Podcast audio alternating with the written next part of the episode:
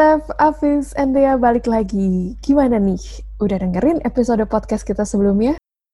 Di episode kemarin, kita bahas berbagai macam aspek-aspek sustainability dan juga implementasinya. Sustainability ini kan multidisiplin dan gak ngomongin masalah lingkungan aja. Tapi ada juga aspek ekonomi dan sosial yang sama-sama penting. Buat yang ketinggalan, bisa cek di IG kita at Project by Set buat dapetin link untuk episode-episode sebelumnya. Nah, sekarang kita mau bahas apa nih di episode terakhir hari ini? Di episode ini, kita garis besarnya sih mau bagi-bagi saran untuk cara hidup yang sustainable. Gue pribadi sih ngerasa kalau gaya hidup sustainable ini kan pendekatannya bisa macam-macam ya. Tapi kalau ujung-ujungnya gue harus cari keliling nih, restoran yang sedia menu fair trade certified gluten-free, non-GMO, locally produced vegetarian organic salad. Kan jadi ribet nih hidup gue sama teman-teman makan gue nih. Terus urusan makanan itu kan cuma seupil dari aspek gaya hidup kita, belum yang lain-lain. Gue sempat pusing jadinya. Tindakan apa sih yang sebenarnya paling efektif untuk mengurangi carbon footprint and at the same time improving farmers and animals welfare dan juga improving our quality of life in general. Tenang, tenang, tenang. Hari ini kita bakal bahas itu semua.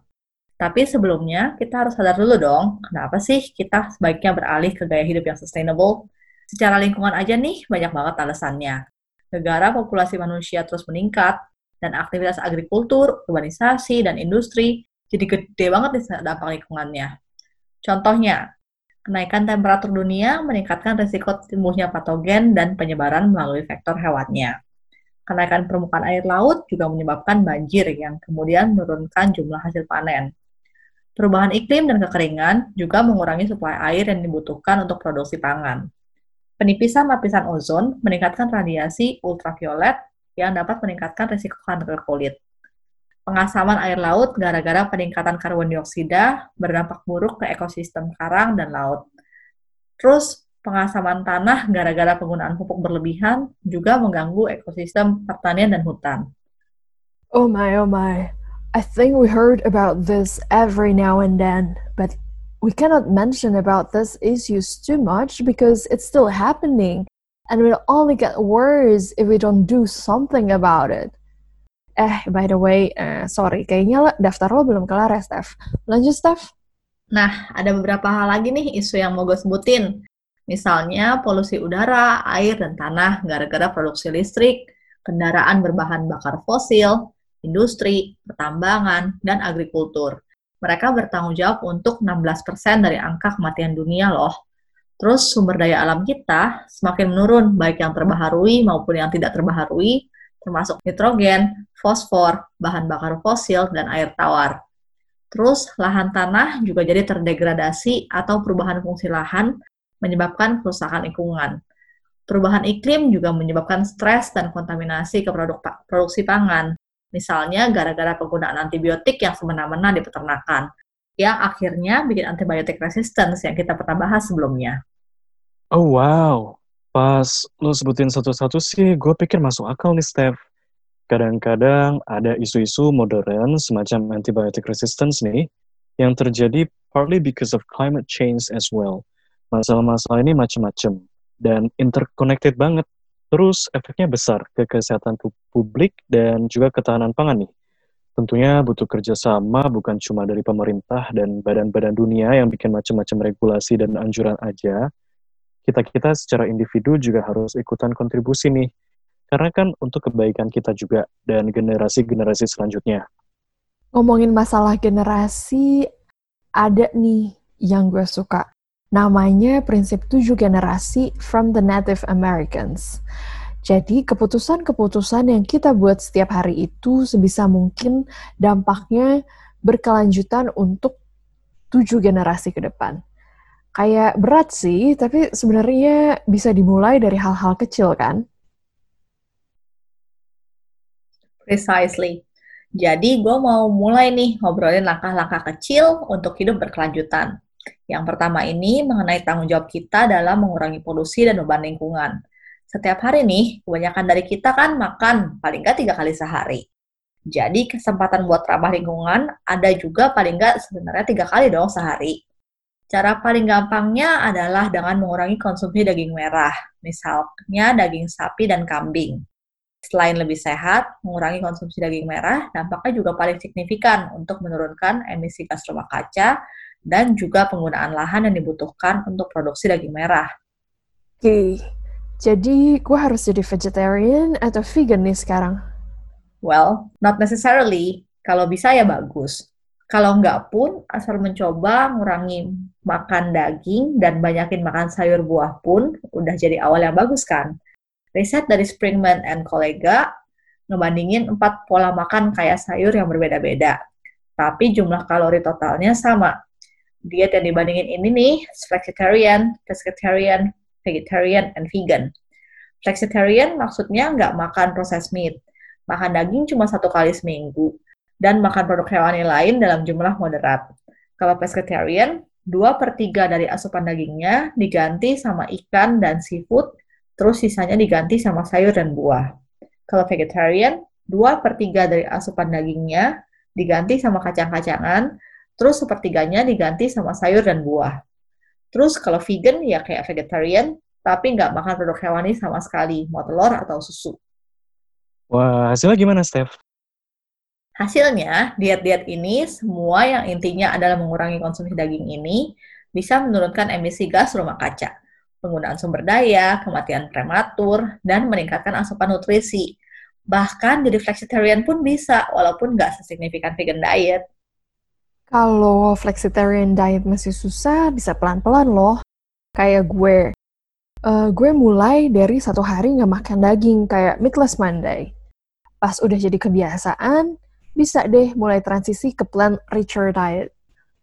That's really a good idea. Ada banyak juga kan ya produk-produk alternatif daging nih sekarang. In my opinion, these products can also help you transitioning, but in the long run, goalnya tetap makan sayur dan buah langsung nih. Non-processed fruits and veggies itu penggunaan sumber dayanya tetap lebih rendah, dan manfaat kesehatannya lebih bagus loh daripada highly processed plant-based foods. Selain itu, sejauh ini kita penekanannya secara dampak lingkungan nih. Kan alasan jadi vegetarian atau vegan itu erat kaitannya dengan masalah etika dan moral dalam isu animal animal welfare kan? Bener. But I still think that any effort toward more plant-based diet is better than none. Lanjut, Steph. Selain pola makan nih, cara selanjutnya adalah dengan mengurangi buang-buang makanan alias food waste. Produksi, proses, dan distribusi pangan kan butuh banyak resources. Kalau sebagian dari pangan ini nggak terkonsumsi dan dibuang, semua sumber daya yang kepake sepanjang produksi dan supply chain ya jadi kebuang juga.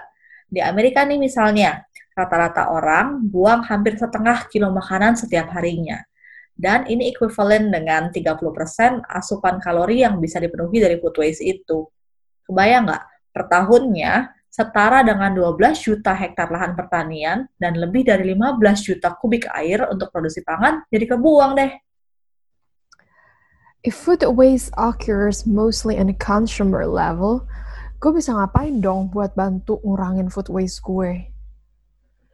Banyak nih. Sebenarnya 40% dari food waste di consumer itu dalam bentuk kulit buah, sisa-sisa sayur, buah atau makanan yang busuk atau kedaluarsa. Paling baik ya beli secukupnya, simpan yang benar, dan konsumsi secepatnya. Terus coba reasonable lah ya sama makanan. Kalau selada layu dikit, atau buah kerut-kerut dikit, atau kayak coklat gitu ada putih-putih, itu sebenarnya cuma kakao fat, belum tentu nggak bisa dimakan, Terus jangan dibuang gitu. Terus banyak cara untuk ngawetin makanan secara alami atau menunda kebusukan makanannya. Misalnya dengan fermentasi.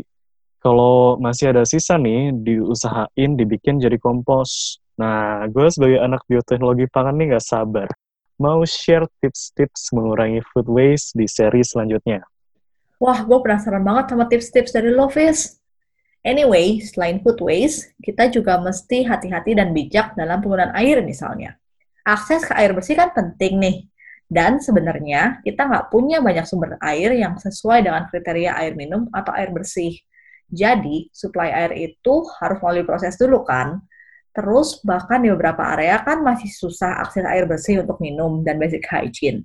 Salah satu cara nggak langsung untuk mengurangi konsumsi air nih lagi-lagi dengan mengurangi konsumsi daging.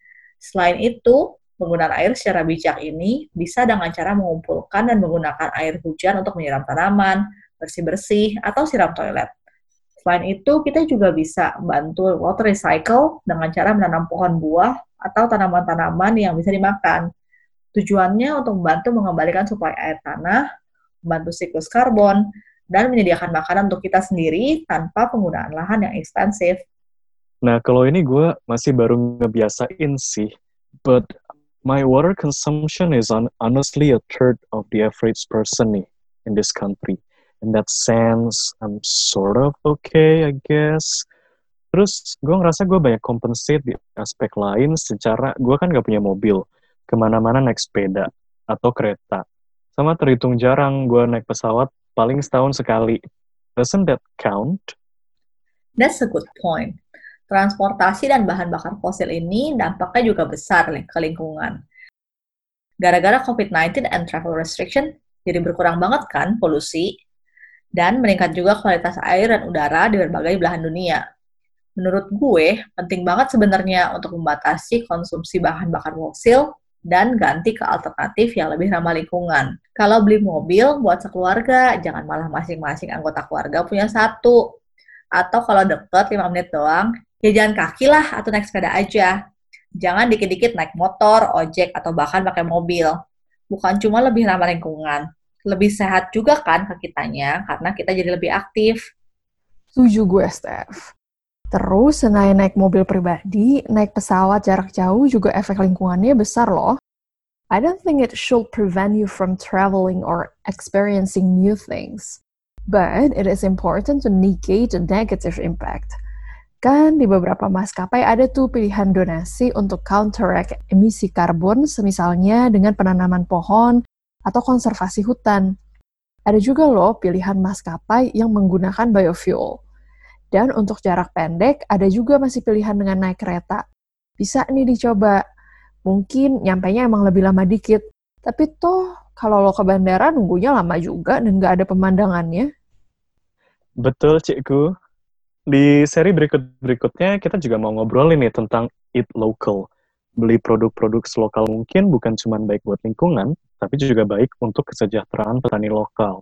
Walaupun masih terbatas pilihannya, mulai banyak nih produsen dan petani yang menyediakan sayur dan buah yang diproduksi secara sustainable dan juga bahkan organik. Cool. Jadi kalau gue bisa simpulin, gaya hidup ramah lingkungan bisa banget dimulai dari diri kita masing-masing dan dampaknya signifikan loh. Tentunya banyak yang bisa dilakukan, tapi coba prioritasin plant-rich diet, sustainable mode of transport, hemat sumber daya kayak air, dan jangan buang-buang makanan.